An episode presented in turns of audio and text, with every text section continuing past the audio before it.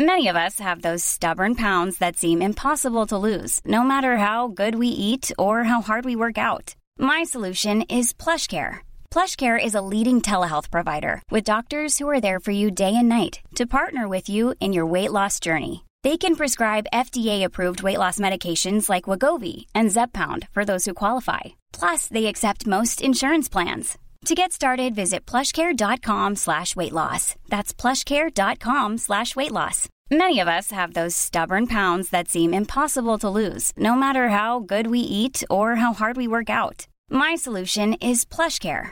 PlushCare is a leading telehealth provider with doctors who are there for you day and night to partner with you in your weight loss journey. They can prescribe FDA-approved weight loss medications like Wagovi and Zepbound for those who qualify. Plus, they accept most insurance plans. To get started, visit plushcare.com slash weight loss. That's plushcare.com slash weight loss.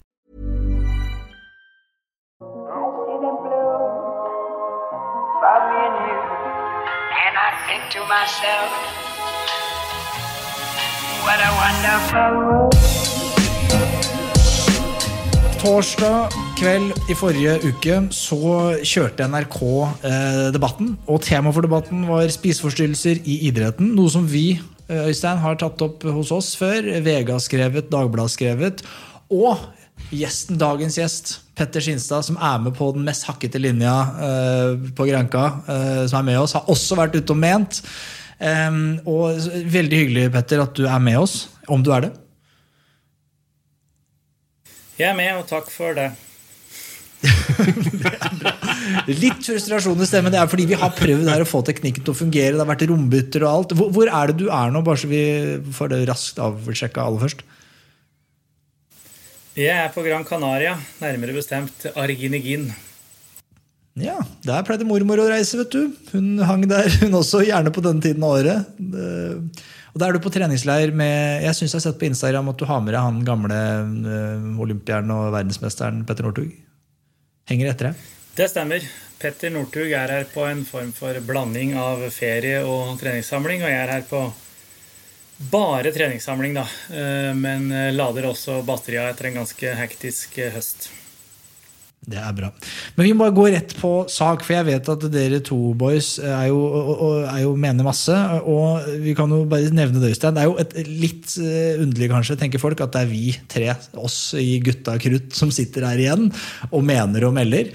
Og det er ikke eh, for lack of trying, fordi vi har jo prøvd å få med folk. Vi har til og med invitert kulturministeren, eller kultur- og likestillingsminister, som det nå heter. Eh, Der venter vi fortsatt på svar. Kanskje hun dukker opp. Det får bli en bonuspod i så fall. Men jeg har mine tvil. Jeg har min tvil. Eh, Men Øystein, kan ikke du bare fyre i gang? Jeg, du ringte jo meg du, på torsdag kveld etter debatten var ferdig. Du skulle egentlig ha vært der, da, du, men du, litt sånn hode og sånn. Du hadde litt uh, trøbbel med det tidligere på dagen, så du turte ikke å liksom, ta sjansen. Men du så på, uh, og du lar deg jo ikke et uh, vondt hode du lar ikke et vondt hode stoppe deg fra å melde. Så kan ikke du få få høre, hva var dine, dine takeaways fra debatten? Ja, altså, da må jeg Jeg må puste nå. Jeg må puste nå. Og alle som lytter. Alle som lytter. Dette kommer fra hjertet. Dette kommer fra et standpunkt fra kjærlighet. Og dette kommer også fra en fyr som har et kallenavn som insinuerer at jeg ikke er lik som alle andre. For jeg blir kalt for pølsa, og det gjør du ikke hvis du er jeg sier det som det er tynnest i klassen. Sorry, Mac. eh, Det gjør du ikke. Men nå kommer det. Fordi at jeg, når jeg sitter og ser på debatten, så bare blir jeg så lei meg.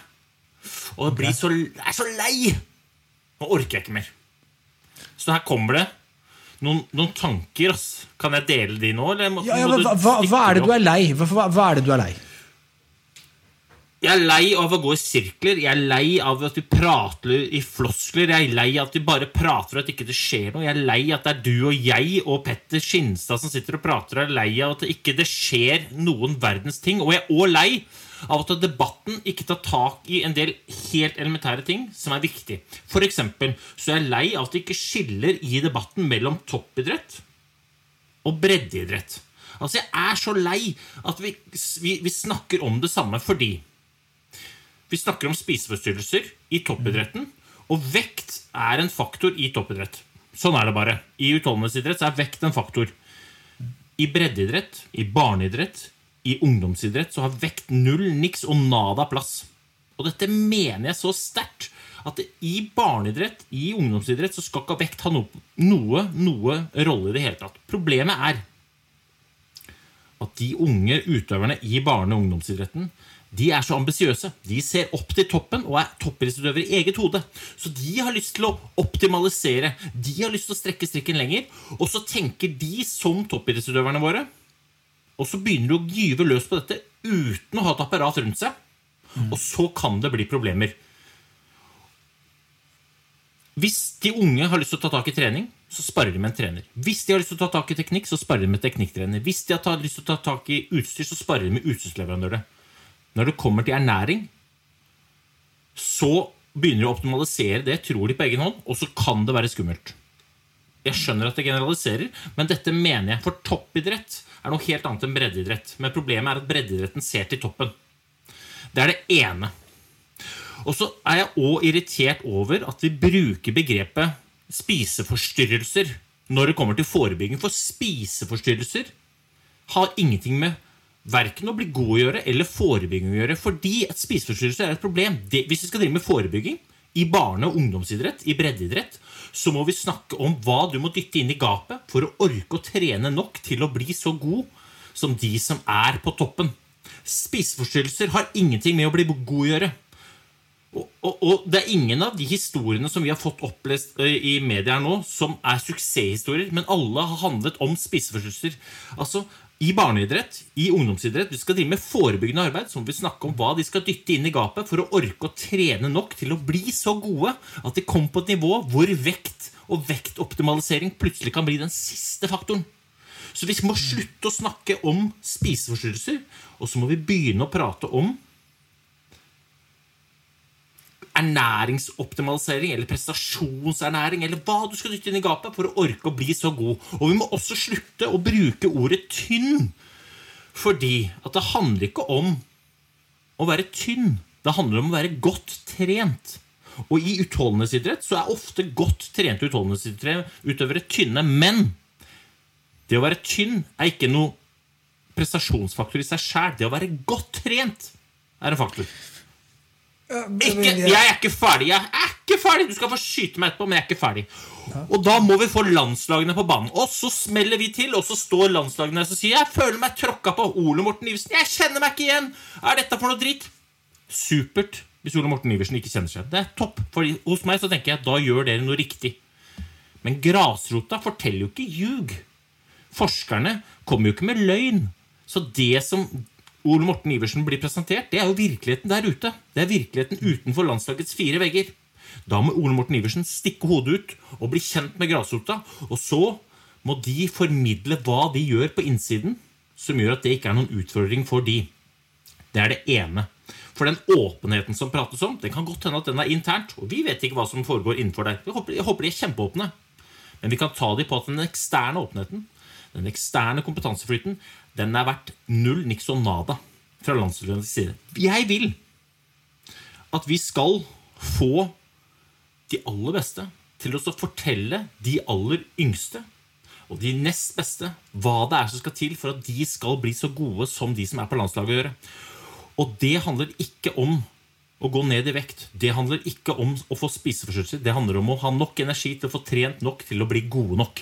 Ikke sant? Og Derfor så må vi få på banen de største stjernene, for det er de som har størst nedslagskraft. Vi kan godt skylde på å dytte ansvaret over på NIF eller Sunn idrett, men altså helt alvorlig Sunn idrett de kan, de kan være så gode de bare vil.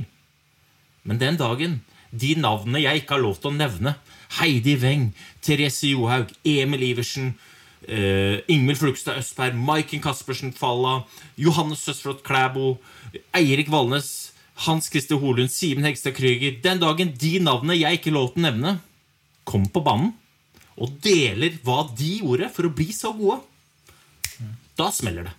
Da smeller det.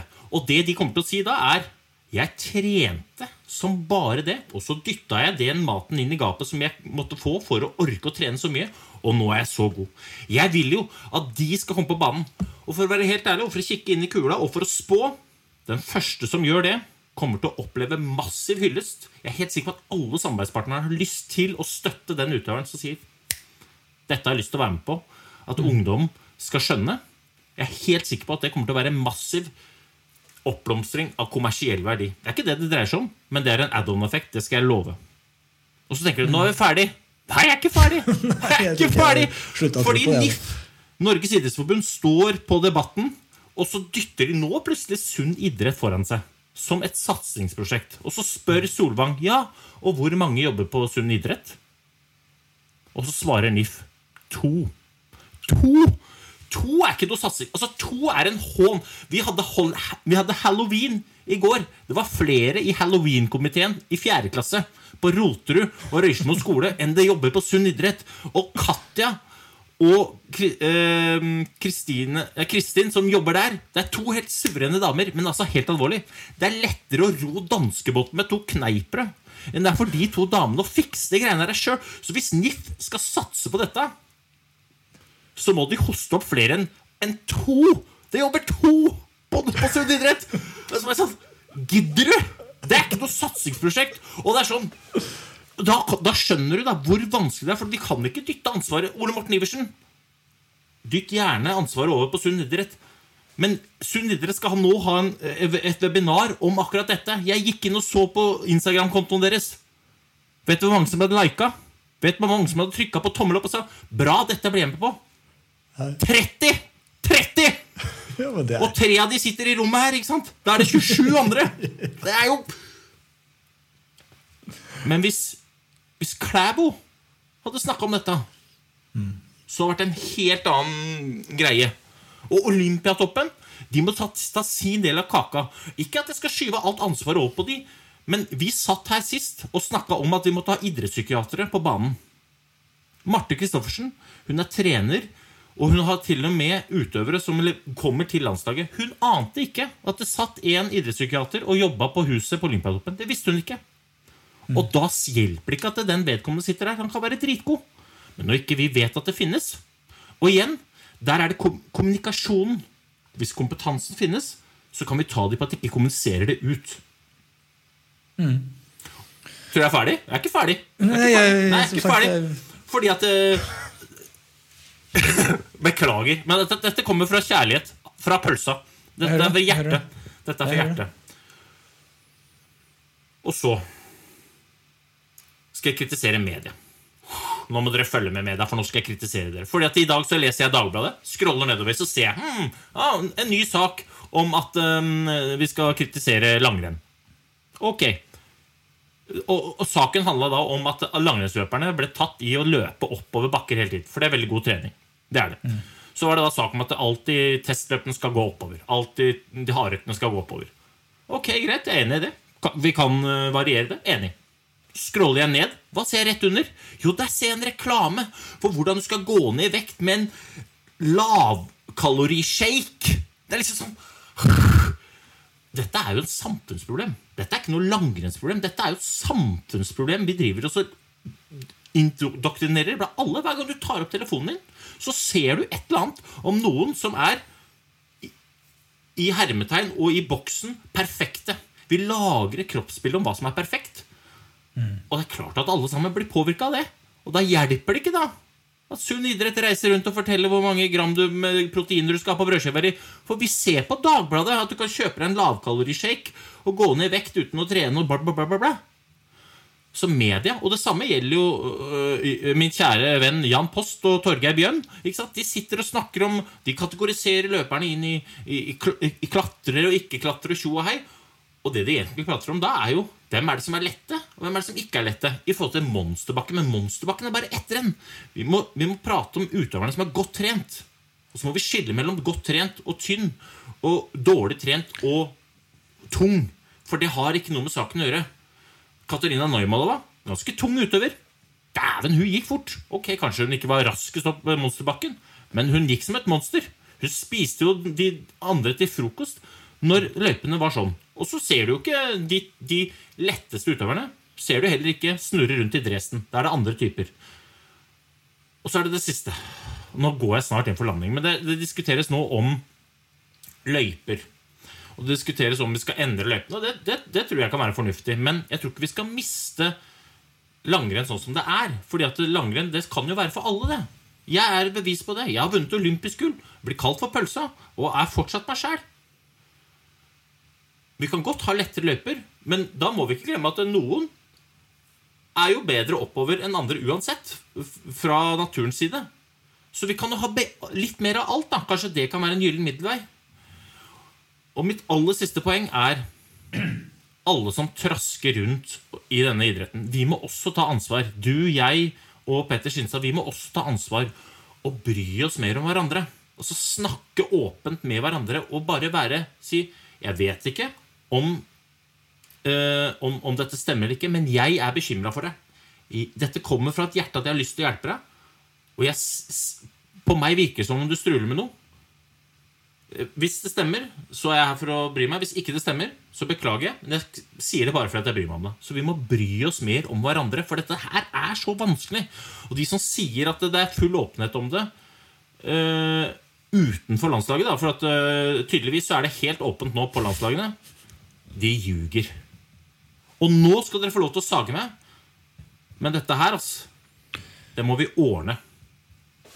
Det var deilig å få ut. Jeg, har- jeg har, jo, har jo deg iblant på telefoner, og jeg vet jo dette har du, dette har du følt sterkt. Og du er jo en klok mann, Øystein, så du har mye gode meninger her. Men, men det er noen ting eh, Petter, som jeg, jeg stusser ved det du sier. Altså, Katarina Neumanova hun inhalerte vel mer enn bare astmamedisin, så det er mange grunner til at hun føyk opp de bakkene.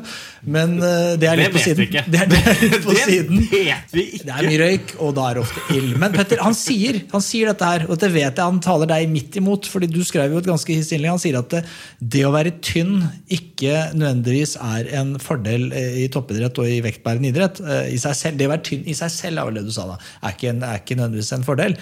Og Petter, hva, hva sier vi til det? Nei, altså Det å være tynn i seg sjøl er jo ikke noe mål.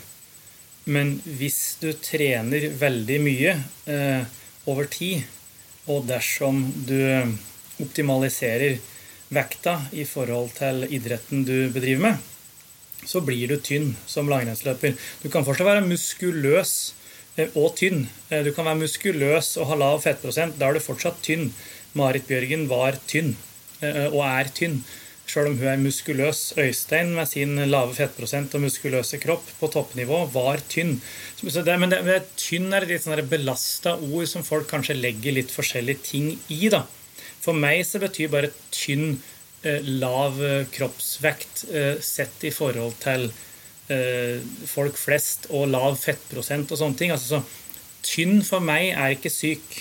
Tynn for meg er ikke farlig. Altså, tynn er bare eh, ikke gjennomsnittlig eller tjukk. Altså, det er på en måte bare, er bare et eh, ord som beskriver eh, en kroppsfasong. Det har ingenting for det. Du har fryktelig tynn, du har sykelig tynn, du har skremmende tynn. Det er for tynn.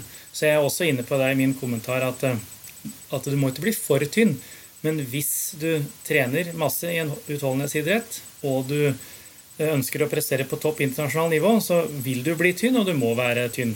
Og så kan jeg alltid si at det også innebærer godt trent, men, men godt trent betyr også høyt OT-opptak, eh, høy, eh, god arbeidsøkonomi, eh, det betyr eh, godt mentalt forberedt, det betyr, altså det betyr så mangt, det blir sånn vidt begrep, mens vekt eh, det er på en måte én av eh, mange arbeidskrav. Det er derfor jeg ønsker at vi skal være åpne om idrettens eh, egenart og idrettens eh, eh, arbeidskrav. Altså i hopp, f.eks., så er jo vekt veldig, veldig sentralt.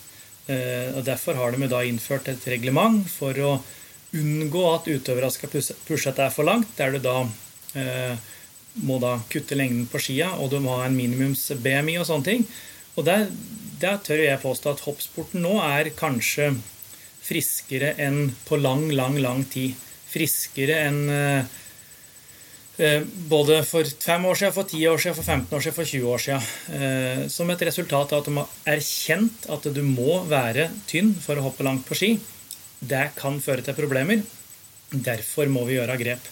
Og Det er det jeg savner litt i den, eh, i den eh, diskusjonen her. Det er at vi erkjenner langrennssportens, løpingens, friidrettens, skiskytingas, syklingas eh, faktiske krav. Og konsekvenser de krava har. Eh, Og det vil gjøre at du vil eh, fram til smertegrensa profitere på å gå ned i vekt. Og så kommer du til et punkt der du for på ingen måte tjener. Der det er mye mye, mye gunstigere å være en kilo eller tre for tung enn å være en kilo eller tre for lett med tanke på sykdom, skader, energinivå, humør osv. osv. Så det fins en smertegrense her, men fram til den så ligger det på en måte i toppidrettens natur og i utholdenhetsidretter natur å pushe opp mot den grensa. Og da snakker vi selvsagt om på toppnivå, ypperste toppnivå. VM, OL, toppen i Ski Classics. Altså toppidretten. Vi snakker ikke om barn, ungdom, mosjonister eller de nest beste på norgescup og kretsnivå. Da er det helt andre ting. Da er det VO2 maks. Det er anaerob terskel, det er arbeidsøkonomi, det er skipark, det er osv., osv., osv. Helt andre ting du burde jobbe med lenge, lenge, lenge før du da ser på de eh, siste på, Da er vi på promillenivå når vi begynner å snakke om vekt, ikke på prosenter, som vi kan gjøre med andre ting. Så, så det der var egentlig mitt innspill. Vi må på en måte bare si at sånn er det. Og det vil gi ut, utfordringer i vår idrett. Og da må vi på en måte spille med åpne kort, sånn at vi ikke later som at det ikke er en fordel å være lett i kroppen i forhold til din kropp. For det er det. Ja, altså jeg, jeg, jeg er nesten enig i alt du sier. Men det jeg er aller mest enig om, det er jo det du sier rundt dette med toppidretten. Og derfor så syns jeg det er så viktig da, at vi faktisk skiller mellom eh, toppidrett og breddeidrett. Og det er derfor jeg sier det er så viktig at de største profilene Jeg har ikke lov til å nevne Klæbo, jeg har ikke lov til å nevne Iversen, så jeg kan ikke si navnene deres. ikke sant? Men tenk deg hvis jeg kunne fått lov til å sagt hvor viktig det hadde vært at Emil Iversen hadde kommet og sagt på sosiale medier, hvor alle ungdommene sitter, at når du er 18, eller når du er 15, eller når du er 20, eller når du er 22 Hvis du ikke er i sjiktet jeg skal kvalifisere meg til OL, og jeg tror jeg kommer til å klare det, så handler det om å dytte noe i gapet som gjør at du orker å trene så hardt at du kommer i posisjon for det. For du snakker om VO2 max, snakker om anorop terskel, snakker om det fysiske ting som må, må bygges. Men det gjør du ikke gjennom å enten slanke deg så du ikke orker å stå opp og, og gjøre jobben på riktignok intensitet, eller å utvikle en spiseforstyrrelse. Spiseforstyrrelser, og jeg sier det igjen, spiseforstyrrelser eller slanking har ingenting med å bli bedre å gjøre for alle. Og så er jeg enig i at vektjustering for ypperste topp er viktig inn mot mesterskap, inn mot viktige konkurranser. Det er jeg helt enig i. Men for de aller, aller fleste så gjelder det ikke. Det er så mange andre ting som er mye viktigere enn det. Og hvis du skulle være da så uheldig å vinne et olympisk gull med en spiseforstyrrelse, så kan jeg si med litt tyngde Ikke fordi jeg har hatt en spiseforstyrrelse, men fordi jeg har vunnet et olympisk gull, at jeg tror ikke du føler at du har lykkes allikevel. Liten sånn innspill her, boys. Vi er jo på samme lag. Eh, Vi er på samme lag, og er, vi er på Team Coop. eh, Og Coop eh, har, de kommer med en overraskelse for oss. Jeg vet ikke med deg, Petter, men jeg og Øystein for vi elsker jo kaffe. Vi er, vi er gedigne suckers for god kaffe. Og Coop har noe på gang. Det kan vi røpe. Det kommer noe, noe, noe nytt, noe nyhet, noen overraskelser. I fjor vi, vi brukte jo mye energi og mye ganeplass på Kenya-kaffen. Det var det vi smakte oss fram til var den beste. Kommer nye greier, så, så det er bare å, å tømme kaffehyllene eh, og gjøre dere klare for eh, noen overraskelser fra Coop på den fronten. Men, og mens Også, vi venter, Ja, mens vi venter, så kan vi jo kose oss med Kenyasen, da. Altså, det, er Det- ja, ja, det- det er lov. Det er ikke noe Det krise. Nei, bør ikke gå, bør ikke gå uten kaffe. Og så tenkte jeg bare en liten ting til, boys. Eh, Det er nemlig slik at eh, det er påmeldingen til Kreftsakens vinterleker 2022 har åpna. Og det er jo på deres hjemmebane. Skal foregå på Sjusjø Natterudstilen. 11. til 13. mars så inviterer Kreftforeningen og Montebello-senteret deg eh, som har eller har hatt kreft, og dine pårørende til en helg fylt med morsomme vinteraktiviteter. Og det er noe vi kan eh, like. Så hvis man vil eh, vise, lære mer om det, så gå inn på kreftforeningen.no, eh, og så eh, kan man melde seg på.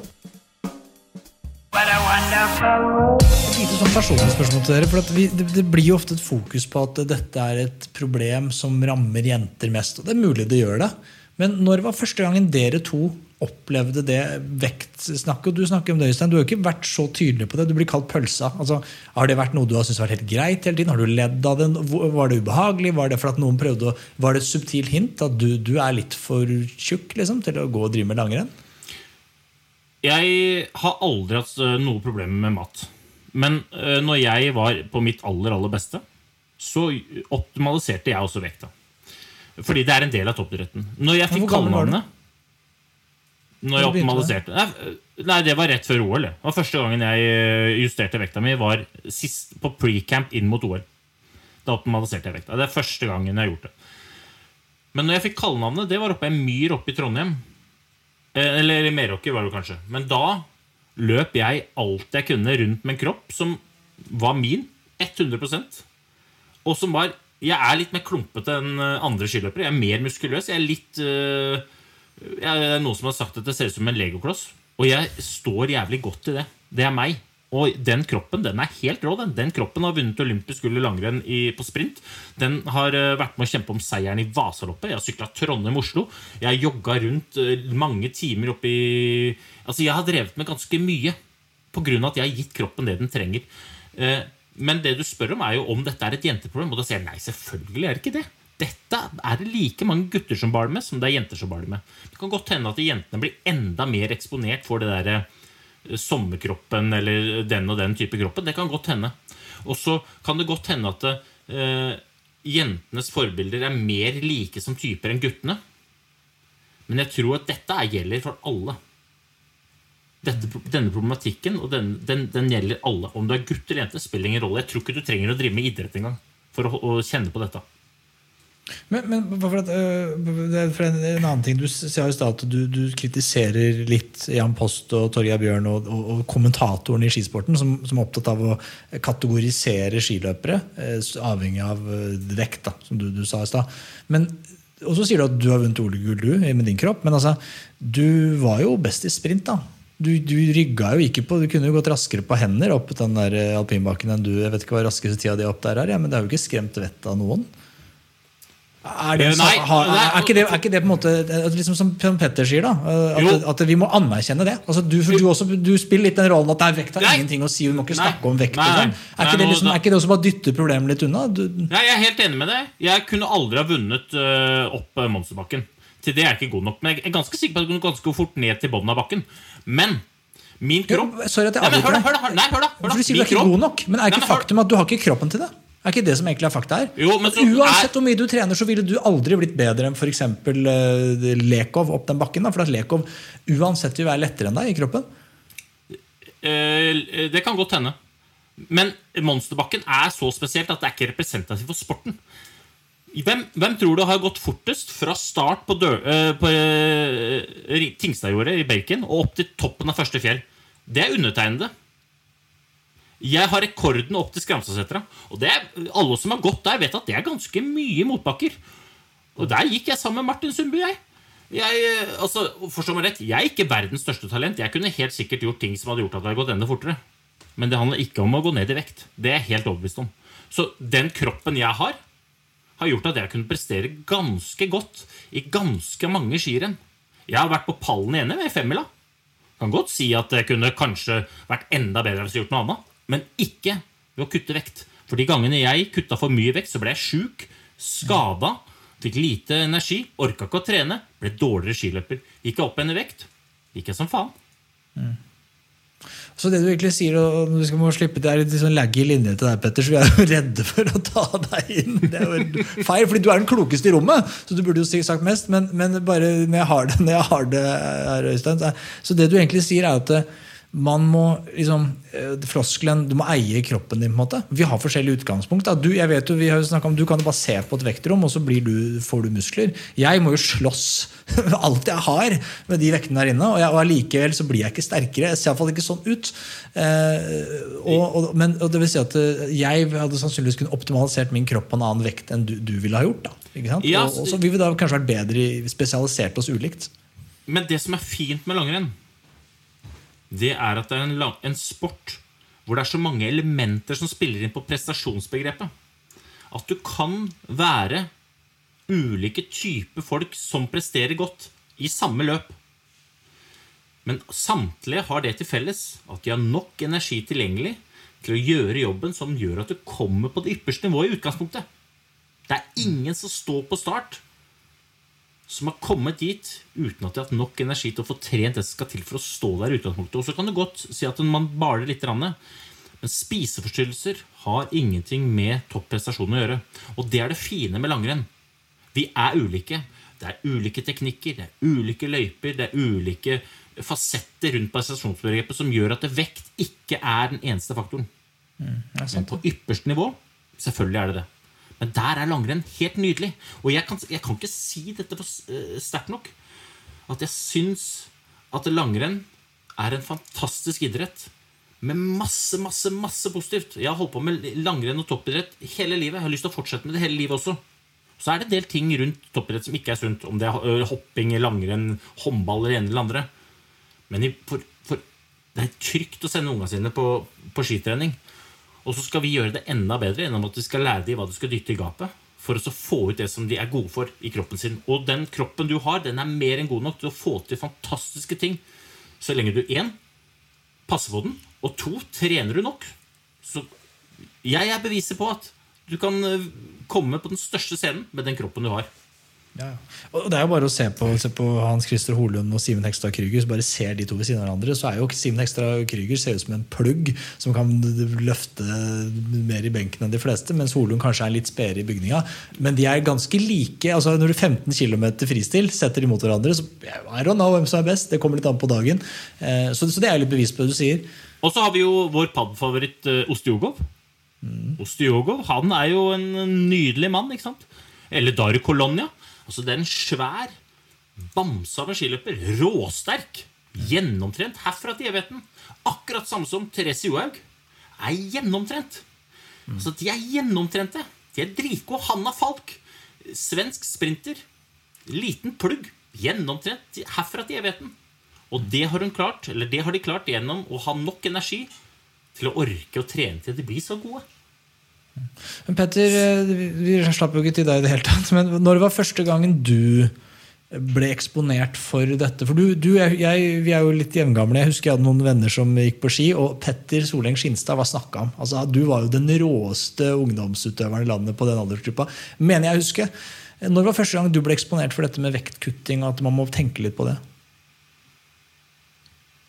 Altså først må jeg bare si det da, så det ikke fins noe tvil overhodet om det at jeg og Øystein vi er veldig veldig, veldig enige. Alt Øystein har sagt så langt, kan jeg stille meg bak.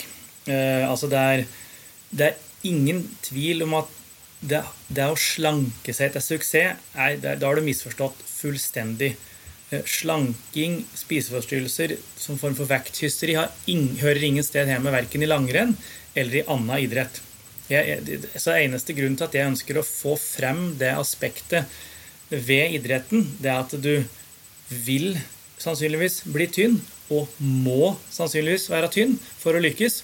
Det er bare sånn at vi skal være klar over at det er et, en del av idretten vi er så glad i, med de fallgruven det medfører. Sånn at vi kan sette inn tiltak, være bevisste og gjøre de rette tinga for å få med flest mulig. For som Øystein sier, langrenn er og blir en fantastisk fin idrett.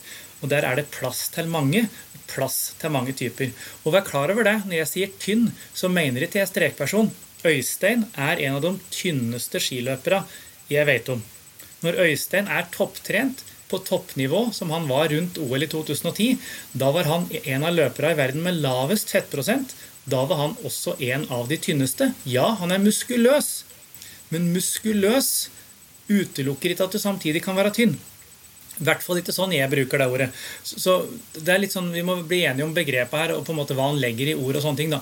Men, men tilbake til det du spurte om, da, Hans. Også, uh, jeg ble uh, klar over den problematikken her allerede og kjente den på si på kroppen i form av at folk rundt meg begynte å slite allerede da jeg var en sånn 13-14-15 år. Uh, da kjente jeg til løpere av begge kjønn Eh, som sleit med dette her. Og jeg har òg vært i, i, dialog med løpere og prøvd å hjelpe rett og slett kamerater, uten å nevne navn, som har slitt med dette her. Der vi har satt inn tiltak og prøvd å hjelpe dem for å komme seg på, på rette sida. Så Eh, det at dette her er ei jentegreie, det er bare tull. Det at det er forbeholdt langrenn og kun langrenn, det er også bare tull. Eh, så dette her er et samfunnsproblem. Og, og, og litt av grunnen, tror jeg, da, hvis jeg kan få nevne det, til at jenter sliter kanskje mer med dette her enn gutter, er det at eh, skjønnhetsidealet for damer er annerledes enn skjønnhets... Eller annerledes, da, som det heter på dannet dagligtale. Er annerledes enn skjønnhetsidealet for menn. Skjønnhetsidealet for menn er gjerne å være stor og sterk. Eh, mens for eh, damer så skal du helst være så liten og tynn som mulig. Og da tror jeg at når du begynner å Og det, og det er ikke hva jeg mener, altså det er da samfunnsproblemet eh, med skjønnhetsidealer. Og da tror jeg at når du begynner å blande inn sjølbildet, skjønnhetsidealer og sånne ting i den miksen her sammen med idrett, så gjør det bare vondt verre.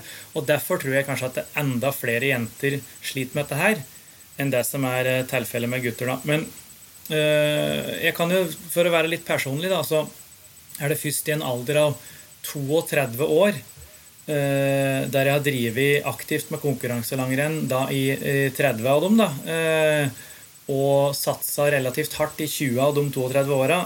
Det er først i en alder av 32 år at jeg har begynt å reflektere over egen vekt og hva jeg putter i meg, utover at fokuset har vært å få i seg nok næring, nok kalorier, til å kunne tåle treninga som jeg har lagt ned over mange mange år.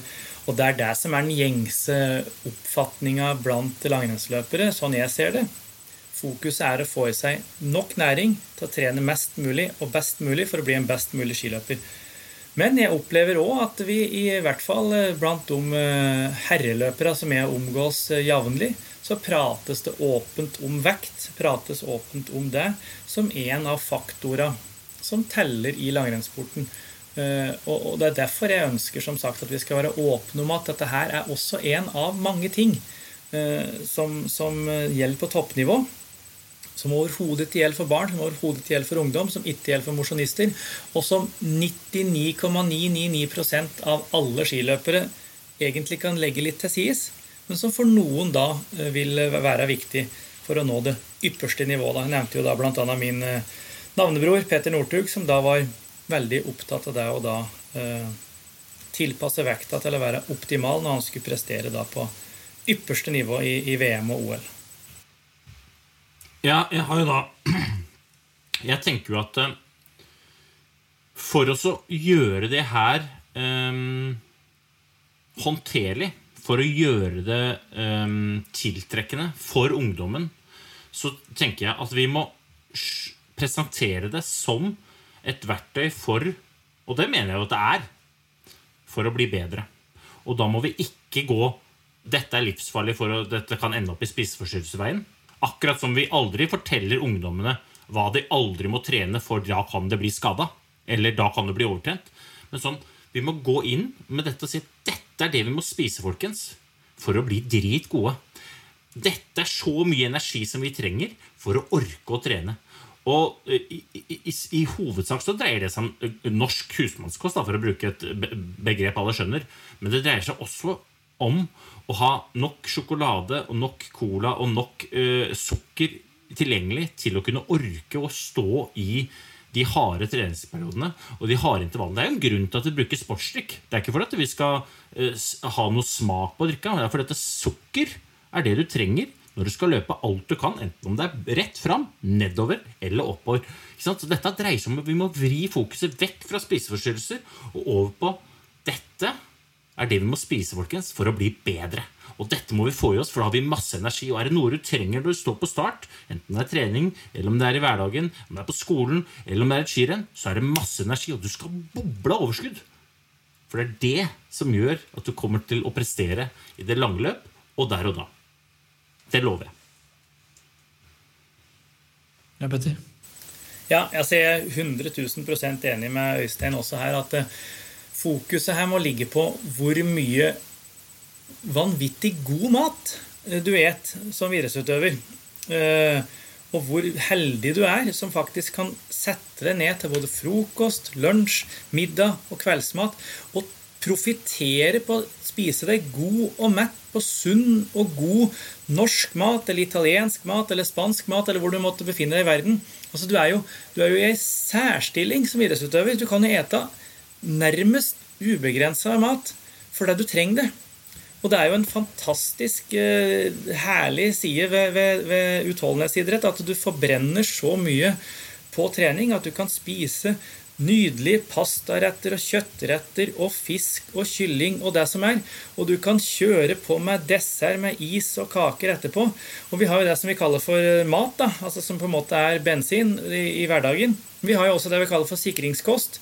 Og det er jo potetgull, sjokolade, Haribo, you name it. Altså det, det er jo, du er dritheldig når du er skiløper, for du kan jo ete vanvittig mye god mat rundt omkring i hele verden.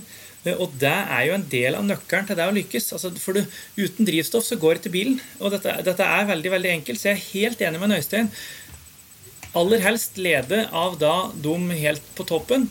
Eh, vis fram og snakk om all den maten som trengs for å prestere på topp. Og her må jeg få lov til å komme med en pekefinger mot sunn idrett sjøl.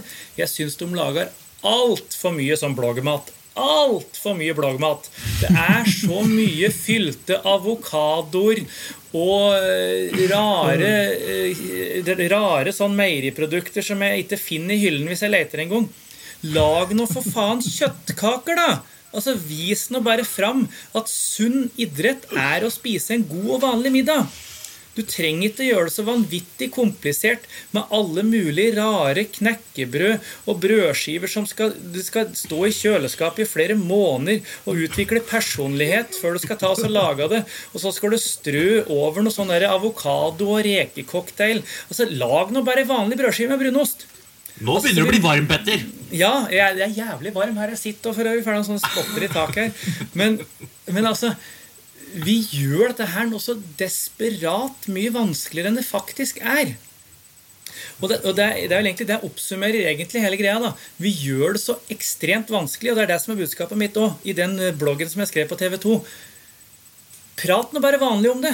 Ja, du, du, kommer å, du, kommer til å, gå ned i vekt hvis du ikke spiser når du trener, for du, du trener så mye, så du vil bli tynn, og da må du spise masse for å holde på energinivå og for å kunne legge ned den treninga som kreves.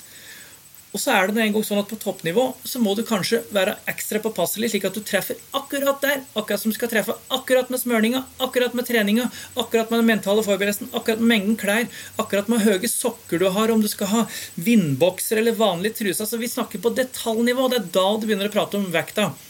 Men, men vi, vi, vi, prater jo altså Det er dobbelt opp. Enten så prater vi ikke om det i det hele tatt, og det er jo et ganske så åpenbart problem at en ikke prater om noe som bør prates om. Eller så gjør vi det noe så desperat vanskelig. Og der syns jeg eh, både VG og Dagblad og andre medier, og ikke minst også Sunn idrett, har et litt sånn problematisk forhold til å presentere vanlig næringsrik mat på en vanlig måte. Altså Jeg ser de har noen sånne camper og driver og lager mat. Altså Det, det, det fins ikke et menneske i hele verden som hadde klart å lage det utenfor et profesjonelt kjøkken. Lag vanlig mat, spis vanlig mat, spis nok av den vanlige maten. Og tren som faen, så kommer du sannsynligvis til å bli ganske god. Altså Det er, det er jo ikke vanskelig, men vi må prate om det. Og så, men Når jeg først har ordet, da for nå kjenner jeg at nå begynner jeg å bli ordentlig sånn varm i trøya her. I dobbel forstand. Ja, dette, dette, er juice. Få det på. Ja, ja, ikke sant. Eh, Drit i det. Har snakka ja. om dette siden 2009. Kjør på. ja. Og dette, Jeg savner at de prater om det vanlig på sånn ungdoms- og barnenivå. Hvorfor er det ingen trenere jeg har hatt mange trenere, hvorfor er det ingen trenere som sier til gutter og jenter Hør her, folkens. Nå er de 11-12-13 år. Noen, kommer til å, noen av jentene kommer til å legge på seg masse de neste årene. De kommer til å få pupper, hofter, rumpe etc. Noen av jentene kommer kanskje til å legge på seg i det hele tatt. Noen av gutta kommer til å bli høye, breie over skuldra, få skjegg, hår nedentil og det som er. Og så Andre kommer til å forbli bitte små og kommer til å se ut som noen sånne eh, barnehageunger nærmest sammenlignet med de andre. Sånn er det.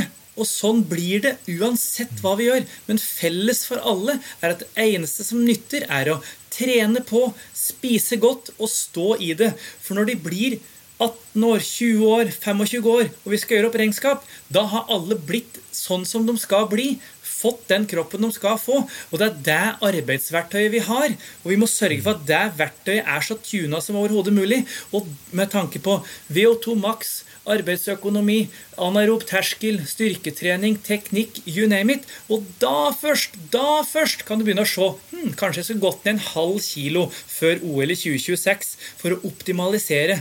Men altså jeg fatter ikke at det skal være så inn i helvete unnskyld uttrykket, vanskelig å bare prate vanlig om dette her. Vi prater jo vanlig om absolutt alt annet, om trening og teknikk. Du må fram med kneet, opp med hofta, opp med brøstet og spisse hva som helst. Altså, det, kan vi ikke prate om mat og, og kropp og på samme, samme måten? Ja, men Nå må vi begynne å si liksom, det er nå fram med hofta, spisse knær, ned med brødskiva. Nå er det der. Nå er det der. Ned med sjokkisen. Fram med hofta. Ja. Det, er, det, er, deilig å høre. Er, nå er du så god nå, vi, må, vi, må, vi, må, passe på, da. Altså, Sunn idrett gjør en fantastisk jobb. Problemet til sunn idrett er jo, som jeg sa Det er, det er to! Det er to mennesker! Så, så, her må en NIF på banen. De må legge til rette. Og så er det et lite paradoks i seg selv at noen har funnet ut at innenfor idrett så må vi lage en liten avdeling som heter sunn idrett. altså, det er jo elefanten i rommet. For idrett er jo så sunt. Altså, kom igjen. Ok, kanskje toppidrett har noen sider som ikke er veldig sunne. Men liksom, sunn idrett jeg gleder, meg til sunn, jeg gleder meg til sunn idrett goes rogue. Jeg blir korrupt, og så må du etablere sunn, sunn idrett, som er den nye, nye forbedrede utgaven. Så. Ja, det er altså for meg eh, Før het jo sunn jenteidrett.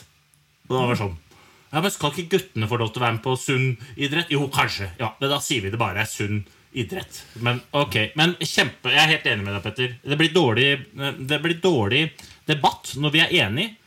Ja. Men dette her håper jeg alle ungdom, alle ambisiøse idrettsutøvere, alle trenere lytter til. Og så skal jeg avslutte med, for min egen del, og shout-out til landslagene. Shout-out til de største stjernene. Kom på banen, bruk stemmen deres, bruk påvirkningskrafta deres, og fortell folk hva dette dreier seg om. Og hvis det er sånn at det er så åpent, og det ikke er noe problemer, så har dere ei heller noe å frykte. Men det er feil at Øystein Pølsa Pettersen sitter her og prater om det samme som jeg prøvde å si i 2009. Jeg sa ikke banneord nå, men jeg hadde tenkt å si det. Så nå må vi komme på banen, folkens. Nå er jeg ferdig. ja, men det, det, er kloke ord. Jeg, jeg, har du noe med på hjertet, Petter? Jeg, jeg syns det var en god oppsummering. Jeg, jeg, tror på en måte at eh, Det er vel det som er moralen. At unge utøvere som hører på, spesielt til de, da, at eh, man blir ikke, altså Hvis målet er å vinne OL-gull og VM-gull, bli, bli god til slutt, så er det det, det, det, er ikke om å vinne KM når du er 14 år. Det er som du sa, Petter. Det er når man gjør opp regnskapet når man er 25 år. Eller du Øystein, du var 28 år eller hva du var når du vant OL-gull. Det var første gangen du begynte å tune på vekt. og vurdere det, det hele tatt. Men du hadde jobba ditt da, med å gi kroppen din nok fôr, så du hadde energien til å legge ned det arbeidet som må til for å vinne det OL-gullet. Og du sier Petter, at du er 32 før du eh, sitter og begynner å vurdere ok, nå er kanskje tiden moden. Kanskje jeg skal ta en vurdering. Det er ikke sikkert at du skal gjøre det engang. Du, begynner å på en måte vurdere det. For det er så uvesentlig da, fremfor alt mulig annet som du bør gjøre før, da, som krever den energien. Så Det er vel det som er, er moralen. Og så sier du, Øystein, landslaget må på banen. da. Det er de som er, altså Øystein Pølsa Pettersen, ja, du var kul du sikkert i, i 2010, da, kanskje i 2011. Men, men, men, det er liksom sånn de unge utøverne i dag. Da, det er stygt og hardt å si. De er ikke nok interessert i Øystein Pettersen. Da. De vil høre hva Klæbo driver med, de vil høre hva Emil Iversen driver med, høre hva Therese Johaug driver med. Det er de som er på landslaget i dag. Det er de man bryr seg om. Eh, sånn er det bare. da. Ehm, og, det er de som må på banen. Og, og, er, og, bare for å spørre det så direkte, Syns dere at de er feige? Og, er det utøverne som er feige, eller er det forbundet som, som, er, som ikke ønsker å prate om det? Dette er jo den elefanten i rommet som eh, Camilla VG prøvde å få ut av oss. Men er utøverne feige? Svar på det først, da. Ja, jeg kan si det sånn, sånn at det, det har utviklet seg en ukultur i Norges Skiforbund på toppnivå, sannsynligvis også i Norges Fotballforbund og Håndballforbund og Skiskytterforbund osv. At man skal liksom ikke mene noen ting, for at det påvirker toppidrettssatsinga negativt. Men altså, vi snakker jo om at det skal utvikles hele fulle mennesker her som skal prestere på topp. Så klart har du meninger, og vi må slutte å late som at det er negativt for å fort du går på ski, eller hvor fort du flyr rundt ei, friidrettsbane, eller langt du hopper ned en bakke, eller hva det måtte være. At du skal ha meninger. For det å undertrykke meninger er jo mye, mye mer belastende enn å være ærlig om hva du syns. Og jeg tror at de, du må slutte å late som at de ikke har meninger. Så ja, de er litt feige. De er rett og slett feige som på en måte later som at eh, ting som vi prater om, ikke fins. For det prates om. Altså, jeg kjenner jo alle på landslaget. Jeg trener jo med flere av dem med jevne mellomrom. Vi prater masse ting her. Eh, så, så, det er ingen grunn til å ikke prate åpent om det. Eh, og eh, ja, jeg vil egentlig bare oppfordre dem til å prate åpent om mer. For at det er så mange som lurer på ting. Det ser jeg jo bare på min egen Instagram, og det ser sikkert du og Øystein, eller på deres kanal, at det er så mange som lurer på så mye om mat, om trening, om utstyr, om helse, om skader. You name it. Vær åpen. Del. Vi har unike muligheter nå med sosiale medier. Ikke la det være usosiale medier. Bruk det som sosiale medier. Og del av all den kunnskapen de sitter på. Det koster ikke så mye krefter. Du sitter jo og scroller på et eller annet. Uansett så gjør det når du sitter på dass eller når du sitter på fly eller venter på en flyplass eller tog. eller hva det måtte være. Del litt, svar litt. Ta litt bilde av den maten de et, og, og at de stapper i deg eh, sjokolader. Altså, jeg var ute og gikk på rulleski med Max Novak, her, eh, altså den rulleskiløperen som har vært desidert best i verden i sommer. Han har lekt med landslaget, lekt med langløpseliten. Vi gikk en lang rulleskitur på 4,5 timer om dagen. Jeg har ikke sett et menneske spise så mye sjokolade i hele mitt liv. Altså han, han, altså han, tømte jo en lokal kiosk for sjokolade i noen pauser der. Og, og, og, i dag gikk vi intervall. Og da, det, var, altså det var jo burgerspisekonkurranse nede på stranda etterpå. Uh, altså det er vi et vanvittig mye god mat. Så del litt av det. Prat åpent om det. Dette er jo ikke farlig. Og akkurat som Øystein sier, vanvittig godt poeng. Hvis det, er, hvis det er, på en måte kynisme da, som driver frem at du ikke skal mene noe om noe som helst fordi du skal være skiløper eller løper eller hopper eller hva det måtte være Tenk på det Øystein sa, da. Hvis du tør å mene noe, tenk på Maren Lundby. Tenk hvor mye markedsverdien hennes har stiget i det siste. Tenk markedsverdien hennes har stiget. Ja. Og da får du muligheter da, til å ha private trenere, fysioterapeuter, leger, smørere. Da kan du legge til rette og ta mye mye større steg enn det bitte, bitte, bitte lille energien du har investert i å ha en mening. Så pace på, som de sier nordpå. Ha en mening og stå for det. Jeg garanterer at du kommer til å tjene på det, så fremt du da ikke har noen sånn helt sjuke meninger om uh, nazisme eller et eller sånt, da, da, kan du gjerne holde det for deg sjøl. Det generelle formålet der er greit å ta. Det er riktig. Det, ja, det er klokt. Men, men i, det, i, det, hele tatt, meninger er bra. Stå for noe. Og jeg lover at du kommer til å tjene på det. Ja. Det er, det er, jeg syns det er en fin oppsummering av dette greiene her. En, en siste ting jeg lurer på, bare for å avslutte på en litt sånn positiv note. Kan ikke dere dele for dette her, det du beskriver her med dette, spisehysteriet, og da mener jeg i positiv forstand at man altså gafler nedpå så mye fôr at ikke, man ikke tror det er mulig. Det har jeg hørt flere historier eh, om skiløpere driver med. Hva er deres personlige sykeste og mest sånne eh, groteske, perverse spisehistorier? Del det med oss, så vi kan avslutte med det. For det er jo litt gøy å høre. Altså Hvor mye, mange kalorier har dere klart å få i dere, og hvilke? Hva slags type kalorier i løpet av en sitting? Ja. Nei, jeg, stå, jeg, har stått på start jeg, på sprinten i Nesten egentlig hver gang jeg sto på start og Erik, eh, Kjell Erik Kristiansen var speaker, så kom dette. Ja, nå står Øystein Pølsa Pettersen på start. Mannen som på vertshuset Den gule måke, altså Mækkern, har spist 21 cheeseburgere. Ta vel imot Øystein Pølsa Pettersen. Så 21 cheeseburgere på, på Mækkern. Jeg utfordrer hvem som helst. Hvem som helst. Og jeg skal garantere at det er ikke et kjeft som orker å spise to store pizza på Sissels som meg. Rett i gapet. Alle som har vært i Meråker, kjøp dere to pizzaer. Lykke til. Glem det. Glem det. Men 21 cheeseburgere altså, Det er de, de, de 21 av de, liksom. De pakkene i én. Altså, hvor lang tid brukte du? En time? Hvor lang tid bruker man på det? det nei. Elefanten i rommet det er jo en spiseforstyrrelse, sannsynligvis. det er ikke, du brukte kort, du var bare et kvarter og bare var i gapet. Ok, men Petter, hva er din Jeg, jeg, jeg drakk de. det er juks. Petter, Nei, hva er altså, altså Jeg har aldri vært noe sånn ekstrem på å spise noe sånn voldsomt volum, da, men jeg har nok drukket over fem liter sjokolademjølk på én dag. eh, ved flere anledninger. Og det er jo også ganske Det er i så fall en drikkeforstyrrelse, da. Dette er en ny, Men, er en ny eh, podkast om forstyrrelser. Fytti. ja, men jeg husker da jeg var på juniorlandslaget sammen med blant andre da Therese Johaug da, og Hans Christer Holund og Sjur Røthe, for å nevne noen For å snikskryte litt og name-droppe litt her. Eh, da hadde vi da kjøttbullespisekonkurranse i Torsby i Sverige. Vi prøvde for øvrig å lure langrenn.com til å publisere resultatlista som at vi hadde hatt et, et testrenn. Men, men det det var en annen historie. Men eh, eh, da spiste jeg Jeg vant faktisk, da. Eh, men jeg, og det, verste, det som er så viktig å huske på her, er at det var Therese Johaug som ble nummer to. Jeg åt 47 sånne svenske kjøttbuller, hun åt 46. Eh, og det lukta jo litt sånn, eh, litt sånn svensk kjøttbullekrydder i tunnelen av alle dagen etter. Men eh, bortsett fra det, så det spises mye mat, altså. Og, eh, men hvis jeg skulle konkurrert med Øystein, så tror jeg det måtte blitt på sjokolademjølk. Og da kanskje jeg skulle ha klart å ta den. Ja, det er bra. Det er bra. Er, det er en fryd. Var, dere har meldt hardt. Jeg håper folk har fått noe ut av dette. Jeg, jeg, jeg fikk i hvert fall det. Og så håper vi at det blir endring. Det er vel det som er greia. Og så må du nyte dagene nede på Granka. Det hadde vært deilig å vært der nede, men det får bli et annet år. Eh, Sånn er det. Det vi får som fortjent. vi får så Det er deilig. Neste uke, neste uke, Hanson, da smeller det. Da er det en litt lystigere pod. Da er det en lystigere pod. Da er det en veldig bra pod. Vi Kjempestjerne kan, eh, av gjest. Ja, vi, vi, vi får en fin gjest. Litt, litt annet tema, da. Eh, Men Veldig. vi skal snakke om Heldigvis. kultur. Skal vi ikke det? Snakke om kultur. Ja, vi skal det. Det blir gøy. Eh, Det blir Petter, gøy.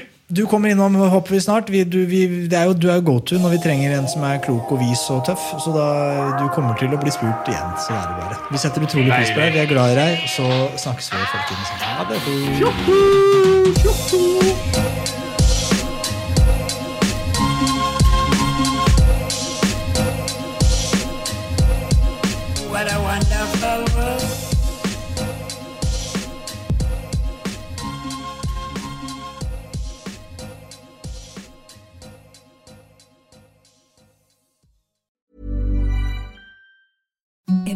the softest sheets you've ever felt. Now imagine them getting even softer over time. That's what you'll feel with Bowl and Branch's organic cotton sheets. In a recent customer survey, 96% replied that Bowl and Branch sheets get softer with every wash. Start getting your best night's sleep in these sheets that get softer and softer for years to come. Try their sheets with a 30-night guarantee. Plus, get 15% off your first order at bowlandbranch.com. Code BUTTERY. Exclusions apply. See site for details. Hey, it's Paige DeSorbo from Giggly Squad. High quality fashion without the price tag. Say hello to Quince.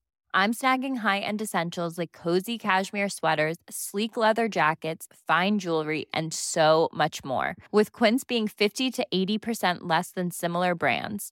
And they partner with factories that prioritize safe, ethical, and responsible manufacturing. I love that. Luxury quality within reach. Go to quince.com slash style to get free shipping and 365 day returns on your next order.